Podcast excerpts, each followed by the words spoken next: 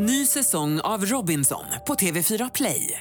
Hetta, storm, hunger. Det har hela tiden varit en kamp. Nu är det blod och tårar. Fan händer just nu. Det. är Detta är inte okej. Robinson 2024, nu fucking kör vi! Streama söndag på TV4 Play. När mikrofonen tystnar av Thomas Hansen. Kapitel 35 Söndag 10 februari klockan 19.00 Erik och Marcus hade just avslutat en mysig söndagsmiddag hemma i lägenheten och satt nu kvar vid bordet och sippade på varsitt glas vin. Så brukade de göra när Erik varit bortrest några dagar. Båda tyckte att det var jobbigt att vara isär, men lite längtan kunde också leda till något positivt. Framåt slutet av varje slagerturné brukade Marcus visserligen tycka att det blivit alldeles för mycket längtan och alldeles för lite positivt under en begränsad period. Men han fick i alla fall hem en trånande fästman med stort behov av närhet och mys. För Eriks del så hade just den här veckan känts extra märklig och jobbig.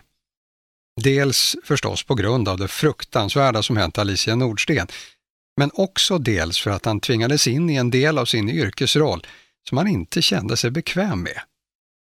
Visst, det kunde han erkänna, han vinklade och överdrev saker i sina artiklar, men han brukade inte behöva stå och tjata om det timme efter timme. Jag hörde att du hade varit på TV också. Ja, webb-TV. Ett jävla skit alltså. Erik småskrattade, utan att låta som att han tyckte att det fanns något roligt i sammanhanget. Vadå? Ja, men du skulle sett skiten. Vem sa att jag var på TV förresten? Brorsan hade sett dig. Sa han att jag såg ut som ett levande lik? Marcus skrattade och log mot sin fästman. han sa att du såg lite stressad ut. Oh, det var bara förnamnet, tänkte Erik. Du hade knappt känt igen mig. Nej, det var sjukt alltihop.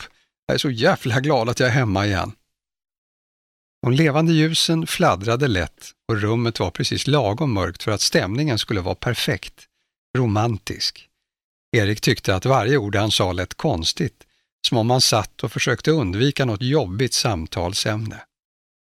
I början av deras förhållande brukade Erik ofta berätta om sina tankar runt arbetet, särskilt i festivaltider. Han berättade om artisterna och alla de andra människorna han träffade. Men det blev efterhand mer och mer uppenbart att det inte var ett intresse som Marcus delade.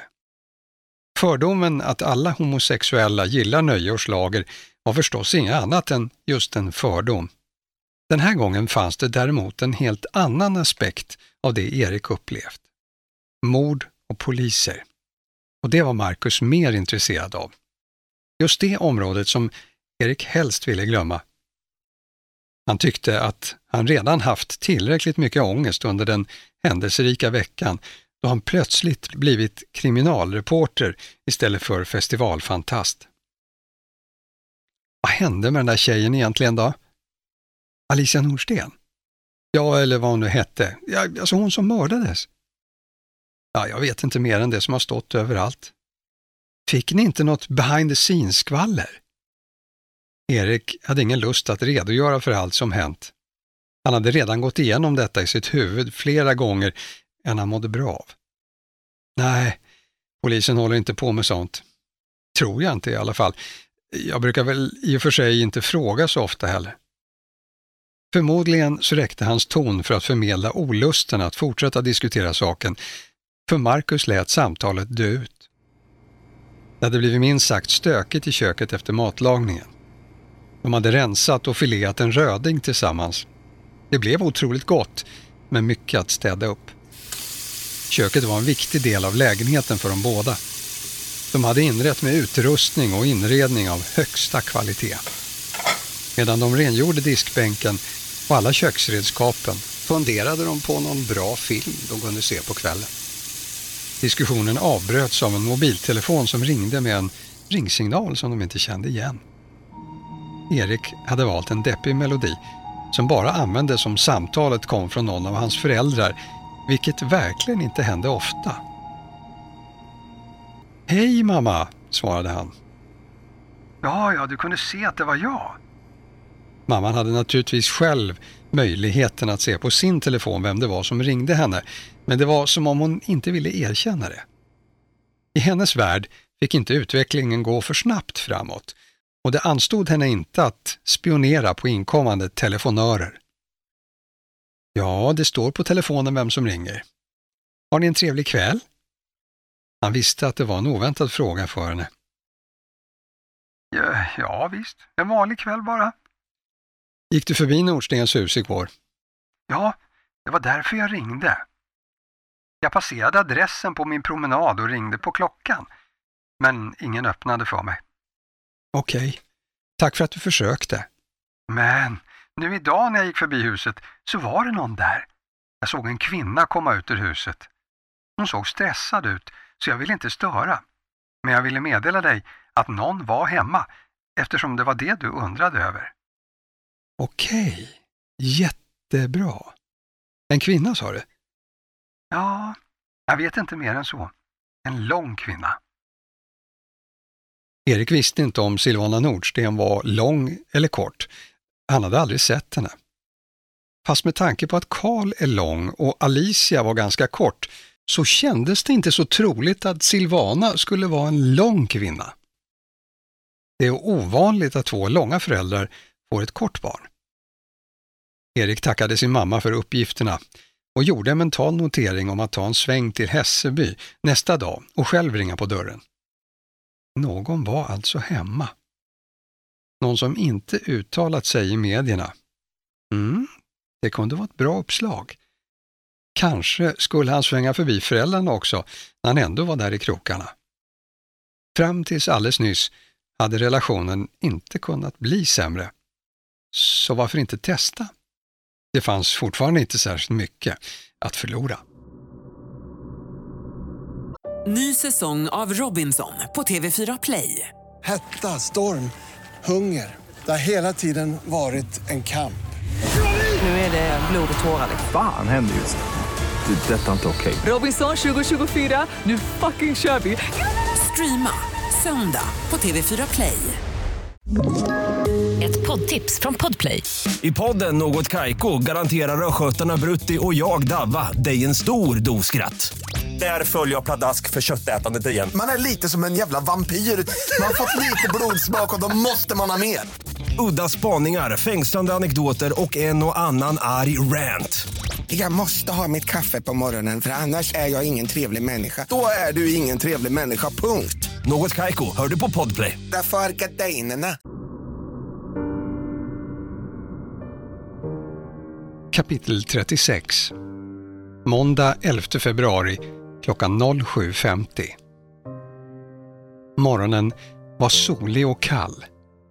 Utsikten från Sandras fönster nådde inte Mälarens vatten utan att betraktaren gjorde olämpliga och akrobatiska konster. Grannarna med fönster åt andra hållet såg däremot ett lapptäcke av små isflak som vintern lämnat efter sig. Folk hade börjat vädra vårluft redan i slutet av januari, men de två milda dagarna klarade inte att smälta isen utan räckte bara för att åstadkomma sprickor i istäcket. Ett riktigt konstverk, tyckte de flesta som tittade ut från vägen där Sandra bodde. Hon hade vaknat redan före klockan sex, blickat ut i mörkret och tänkt att det var en bra start på dagen. Nästan perfekt. Hennes liv var visserligen fullt av retliga nästan. Sådant som var nära perfektion men ändå saknades något avgörande och det gjorde varje del av hennes tillvaro ofullständig, vilket irriterade henne. Hon hade till exempel mycket bra syskon. Sådana som hon alltid kunde vända sig till oavsett vad det gällde. Men så var det deras partners och familjer. Särskilt broderns fullständigt odrägliga ungar som av någon vettlös anledning alltid måste vara med när de skulle umgås. Sandra skulle gärna träffa sin bror en gång om dagen eller åtminstone varje vecka, men bara honom. Hon ville återfå den relation de haft i tonåren. Varför måste allt förändras? Omvärlden verkade uppskatta utveckling. Sandra föredrog stillestånd. Lillebrodern hade blivit en ung pappa och från den dagen var allt förstört. Med tre ohängda, oförutsägbara och fullständigt ouppfostrade skithögar till brorsbarn var ett närmare umgänge numera alldeles omöjligt. Redan som liten var Sandra försiktig av sig när det gällde att närma sig andra människor. Syskonbarnen hade inga sådana spärrar. De skrek och sprang omkring, flyttade på allt de kom åt och skrek ännu mera. Sandras lägenhet gränsade också till det perfekta, men höll sig precis bortom gränsen. Den var fin och hade idealisk planlösning. Läget var kanon. I Fredhäll med vattnet precis nedanför klipporna och underbar utsikt, rent teoretiskt. Men Sandras fönster vette alltså mot baksidan och bjöd på synen av en lång rad tallar och ett annat flerfamiljshus. Nu var den nya tjänsten på mordet som var nästan perfekt. Otroligt spännande utredningar och stor självständighet i arbetet men alltför sällan möjlighet att slå sitt kloka huvud ihop med någon annans dito när det gällde komplicerade frågor som verkligen behövde genomarbetas grundligt. I varje utredning var det nya människor att samarbeta med i något av Stockholmspolisens alla polisområden eller på länskriminalen. Snart kanske över hela landet. Något måste göras åt organisationen. Det var helt klart. Sandra kände irritationen byggas upp inombords när hon tänkte på allt detta under sin saftigt långa omväg när hon promenerade över Kungsholmen på sin väg mot polishuset. Det skulle bli en spännande dag. Med största sannolikhet skulle hon nu få sätta igång med fallet tillsammans med Växjöpolisen, närmare bestämt Olof Nilsson, som hon kände sig mycket nära efter deras helg tillsammans. Visst hade folk kallat Sandra överexalterad då och då, åtminstone i ungdomens dagar, innan hon lärt sig vuxenvärldens spelregler. Men vem som helst borde väl inse att just den här relationen var bland det djupaste vänskap som kunde uppbådas på planeten jorden. Hon fylldes av glädje när de tänkte på deras kommande samtal, hur de skulle gå igenom olika tänkbara scenarion runt Alicia Nordstens mystiska promenad åt helt fel håll. Den som skulle avslutas genom att hennes liv släcktes. Idag borde de få ett obduktionsresultat. Det var helt enkelt oerhört spännande. Som ett konstant barnkalas för en mordutredare. Tankarna gled för en stund iväg till Silvana Nordsten som hon tillbringat flera timmar med föregående eftermiddag. Hon var verkligen en nedbruten kvinna.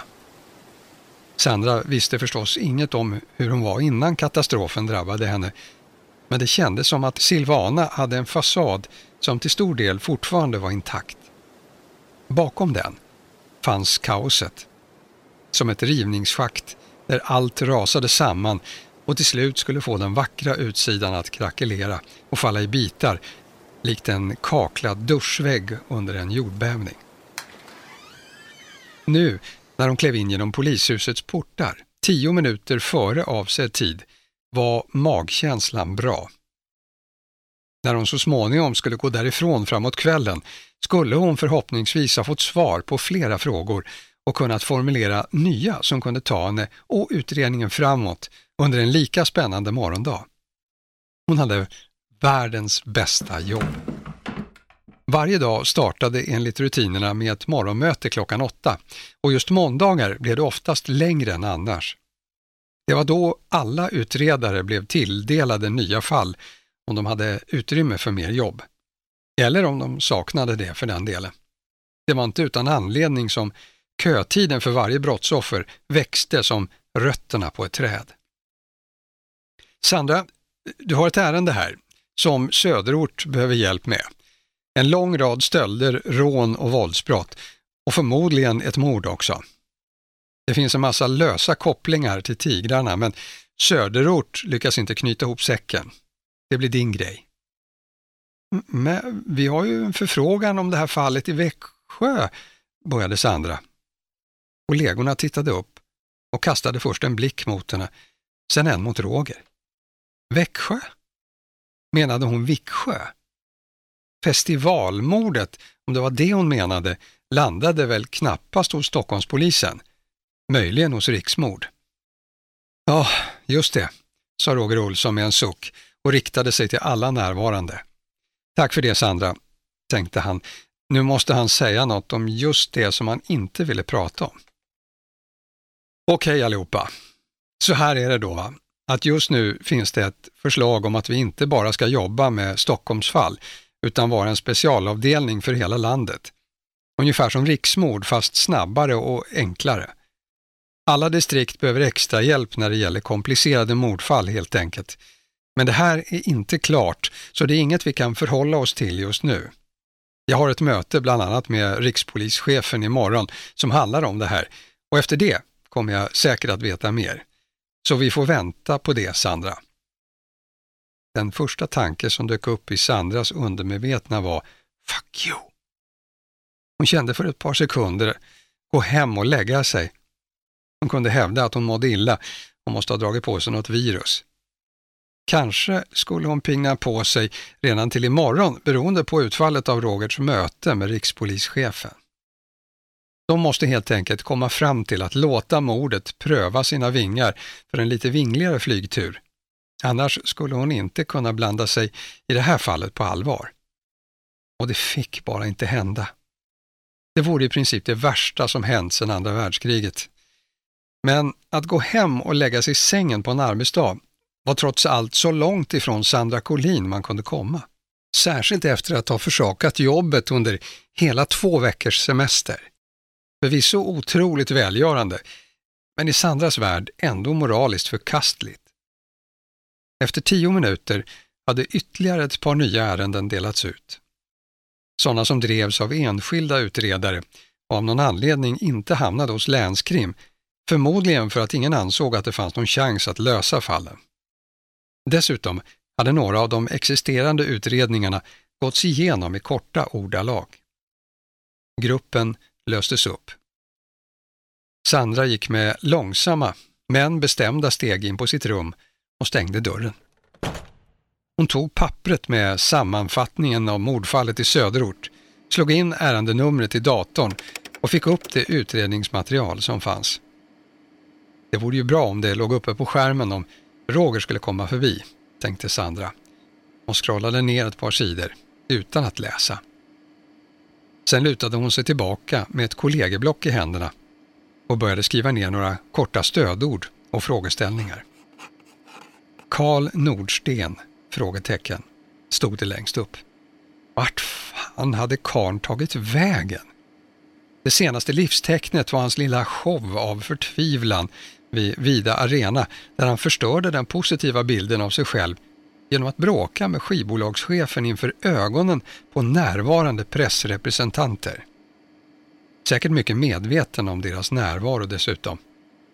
Alternativt helt förtvivlad, ja eller skamfylld. Sen försvann han mystiskt utan att lämna ett enda spår efter sig. Inget som Olof Nilsson och hans gäng hade hittat i alla fall. Frågan var hur mycket de hade letat. Hade utredningen fokus på Karl Nordsten? Ja, det borde den ha.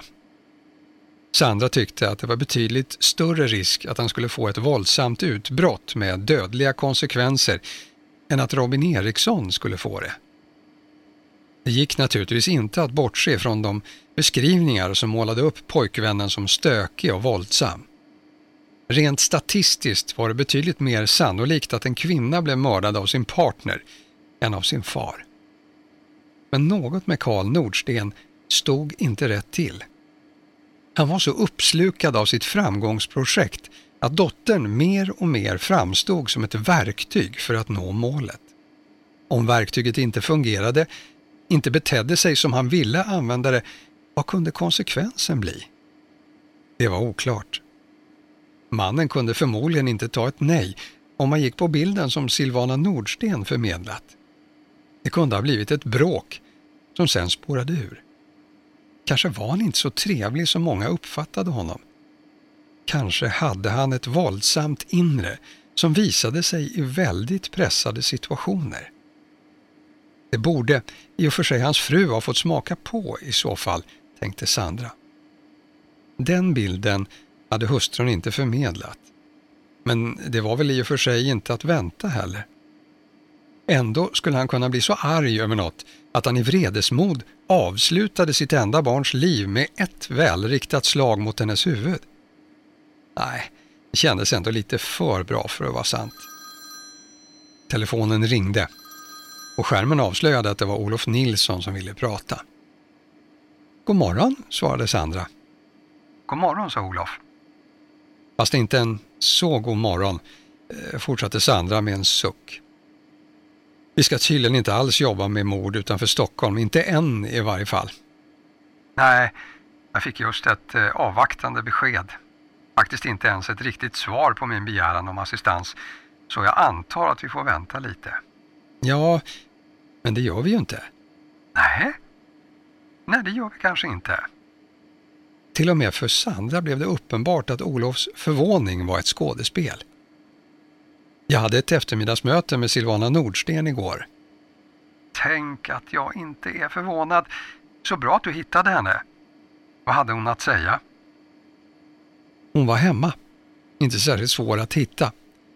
Hon ville egentligen inte säga så mycket tror jag, men hon pratade och pratade tills luften tog slut och ändå var hon inte riktigt närvarande. Det var som att halva hon hade förstått vad som hänt och den andra halvan höll sig kvar i dåtiden.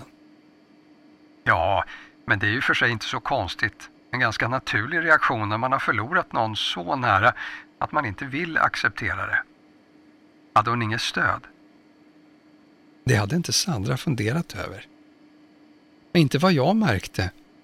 Hon hade väl varit hos sin syster, sa du ju, men hon var i alla fall ensam hemma när jag kom dit. Det intressanta var att hon hela tiden pratade om Alicia som att hon var död.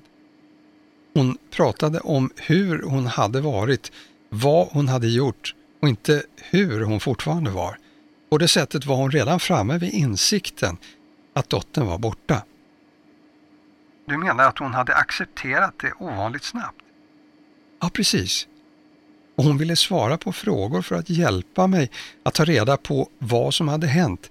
Men hon bönföll mig inte om det sådär som det brukar vara. Det var mer som om att hon hade gett upp själv men ändå tänkte att någon annan kanske kunde få en chans att försöka förstå. Och du såg förstås inga spår av den äkta mannen? Nej, han var borta. Hon sa att hon inte hade en aning om vad han var. Han kunde förstås ha legat och häckat i ett annat rum. Det var inte så att jag sökte igenom huset. Hon sa i alla fall att hon sökt honom hur många gånger som helst, men utan resultat. Ja, okej. Okay. Vi har upprättat en anmälan om att han är saknad och efterlyst honom. Om inte annat så för att få förhöra honom. Det är så många frågor som behöver svar. Plus att vi måste underrätta honom om Alicias död. Han kan ju rent teoretiskt sitta med avstängd telefon på en rastplats och stirra på sin ratt. Sandra skrattade till. Hon gillade Olofs torra humor men han verkade inte tänka på Karl Nordsten som skyldig. Han kan ju också gömma sig för han är ju skyldig till mord, påpekade Sandra. Ja, det är ju en möjlighet.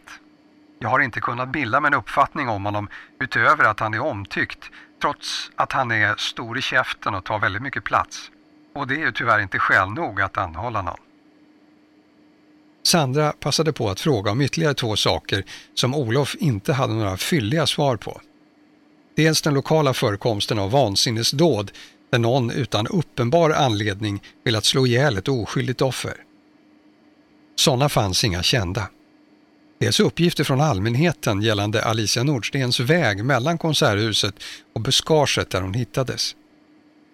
Trots att Olof vädjat i dagens upplaga av Smålandsposten hade ingen hört av sig och kunnat sprida ljus över den nattliga promenaden.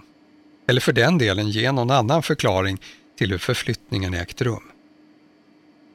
De avslutade samtalet och Sandra började fundera på hur långt hon borde scrolla ner i söderortsutredningen för att hennes sysselsättningsgrad skulle verka rimlig om någon kom in. Hon tappade ganska snart bort den tanken och gled tillbaka till Karl Nordsten. Hon måste undersöka vart han tagit vägen. Men hur skulle hon göra det utan att officiellt vara inblandad i utredningen? En efterlysning skulle inte räcka långt om han medvetet höll sig undan. De måste kartlägga vart han kunnat ta vägen. Fanns det något sommarhus? Hade han en båt? Några nära släktingar? Kanske i södra Sverige när han var där? Vilka möjligheter hade han att hålla sig undan utan att lämna spår efter sig? För det är ingen enkel sak i moderna Sverige. Sandra ville helst rikta landets samtliga polisresurser mot ärendet, nu, på en gång.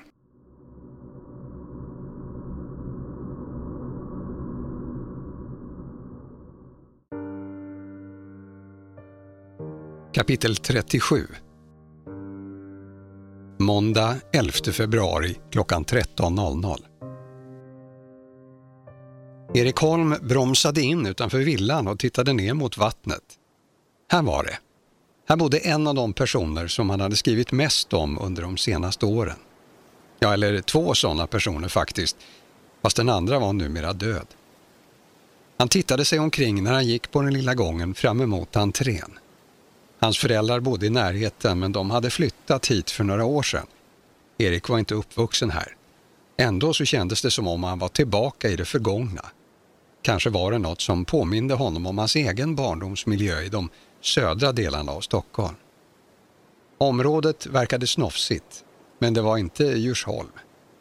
De flesta bilar han såg var suvar, men av någorlunda vanliga märken som Volvo, Audi och Mercedes.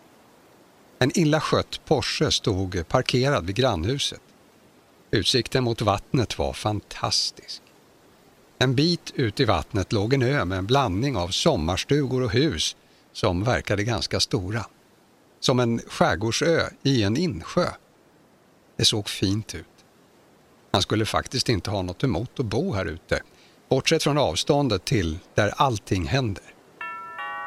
Ringklockan ringde tydligt och nästan eftertänksamt och han dröjde kvar på den lilla avsatsen utanför dörren. Det var en kortväxt kvinna som öppnade. Är detta alltså Silvana Nordsten? undrade Erik. Hon må vara gift med en av den svenska musikbranschens giganter men hon visade aldrig upp sig på galor eller premiärer. Han visste helt enkelt inte hur hon såg ut. Jag heter Erik Holm, började han och blev genast avbruten. Jag vet vem du är, sa hon kort och känslolöst. Jaha, jag har skrivit om din man och din dotter. Jag vet det. Hon hade ingen känsla i sina ord. Erik kände på sig att samtalet skulle bli kort och att han skulle bli avfärdad som om han representerade Jehovas vittnen eller just ringt på hos en pingstpastor. Med kärlek hoppas jag att det framstår som. Jag läste det du skrev om Karl i helgen. Det var fint. Nu gav hon en liten öppning. Ja, det kändes viktigt, eh, som stöd i en svår stund, eh, om man läste det. Jag har också skrivit att Alicia skulle vinna för att hon hade de största brösten av artisterna. Det var inte lika fint. Ja, jag ber om ursäkt för det. Men det är mycket sånt som räknas i den världen. Ja, jag vet, sa Silvana Nordsten igen. Jag vet. Jag beklagar verkligen det som har hänt och jag förstår att det måste vara mycket svårt. Jag vill inte ställa upp på någon intervju. Ja, det får du faktiskt respektera. Hon byggde in en lång suck i sitt svar samtidigt som hon försökte låta bestämd. Antyda att det inte var någon mening att journalisten försökte övertyga henne. Han förstod inte varför hon inte bara slängde igen dörren. Ja, ja, absolut, jo, jag förstår. Jag tänkte egentligen bara svänga förbi. Mina föräldrar bor precis här i närheten och jag ville gärna få prata med Karl om det var möjligt. Han är inte hemma. Nej, du har ingen aning om var man kan få tag på honom. Han får säkert tag på dig om han vill. Det kunde Erik instämma i. Han var ytterst anträffbar och Karl var en av dem som ringt honom ofta för att placera rätt människor i hans fokus. Hade Karl velat prata med honom så hade han definitivt ringt. Du har inte någonting som du vill säga till svenska folket? Nej. Förlåt att jag störde. Tack för din tid. Silvana Nordsten nickade bara och stängde dörren. Erik gick ut till sin bil Men innan han körde därifrån så tog han några bilder av huset ur olika vinklar. Det kunde vara bra att ha. Några minuter senare så ringde han på en annan dörr, bara en bit därifrån. Och den här gången var det hans far som öppnade. Gubben hade åldrats, såg betydligt gråare ut än senast. Men som alltid var han klädd i kavaj, skjorta och välstrukna byxor. Nej men Erik, det var högst oväntat får jag säga. Ja, jag var ute här i ett annat ärende så jag tänkte bara titta förbi. Det var sant. Även om Erik inte bara förvånade sin pappa utan även sig själv genom att åka dit. Hoppet är ju det sista som överger människan, tänkte han. Vi är tyvärr lite upptagna, vi ska snart iväg på en bjudning. En bjudning på en måndags eftermiddag? Knappast. Det var nog mest ett hastigt påkommet svepskäl. Okej, eh, jag ville mest tacka mamma för hjälpen med en sak. Gustav Holm höjde sina buskiga ögonbryn. Jaha, minsann. Ja, jag kan framföra det. Eller vill du tala med henne själv? Nej, det behövs inte om ni, om ni har bråttom. Du kanske kan komma på middag en annan dag? Jaha du, tänkte Erik. Det menar du inte? Ja, kanske det. Vi kan väl höras. Tack för besöket, sa pappan och stängde dörren framför Erik. För ovanlighetens skull var Erik faktiskt inte helt säker på vad han skulle tänka. Något var annorlunda med hans pappa. Kanske var han döende.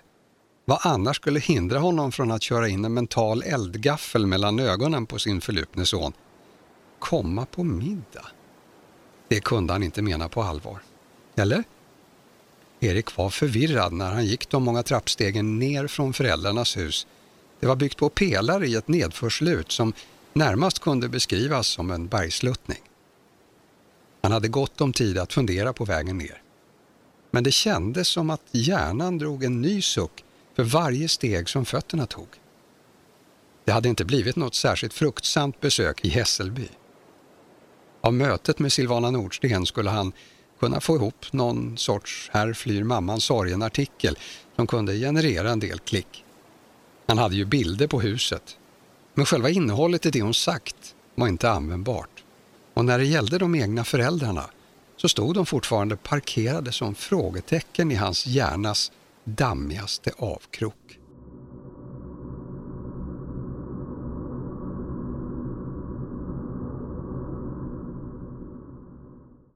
Ny säsong av Robinson på TV4 Play. Hetta, storm, hunger. Det har hela tiden varit en kamp. Nu är det blod och tårar. Fan händer just det. Det är detta inte okej. Robinson 2024, nu fucking kör vi! Streama söndag på TV4 Play.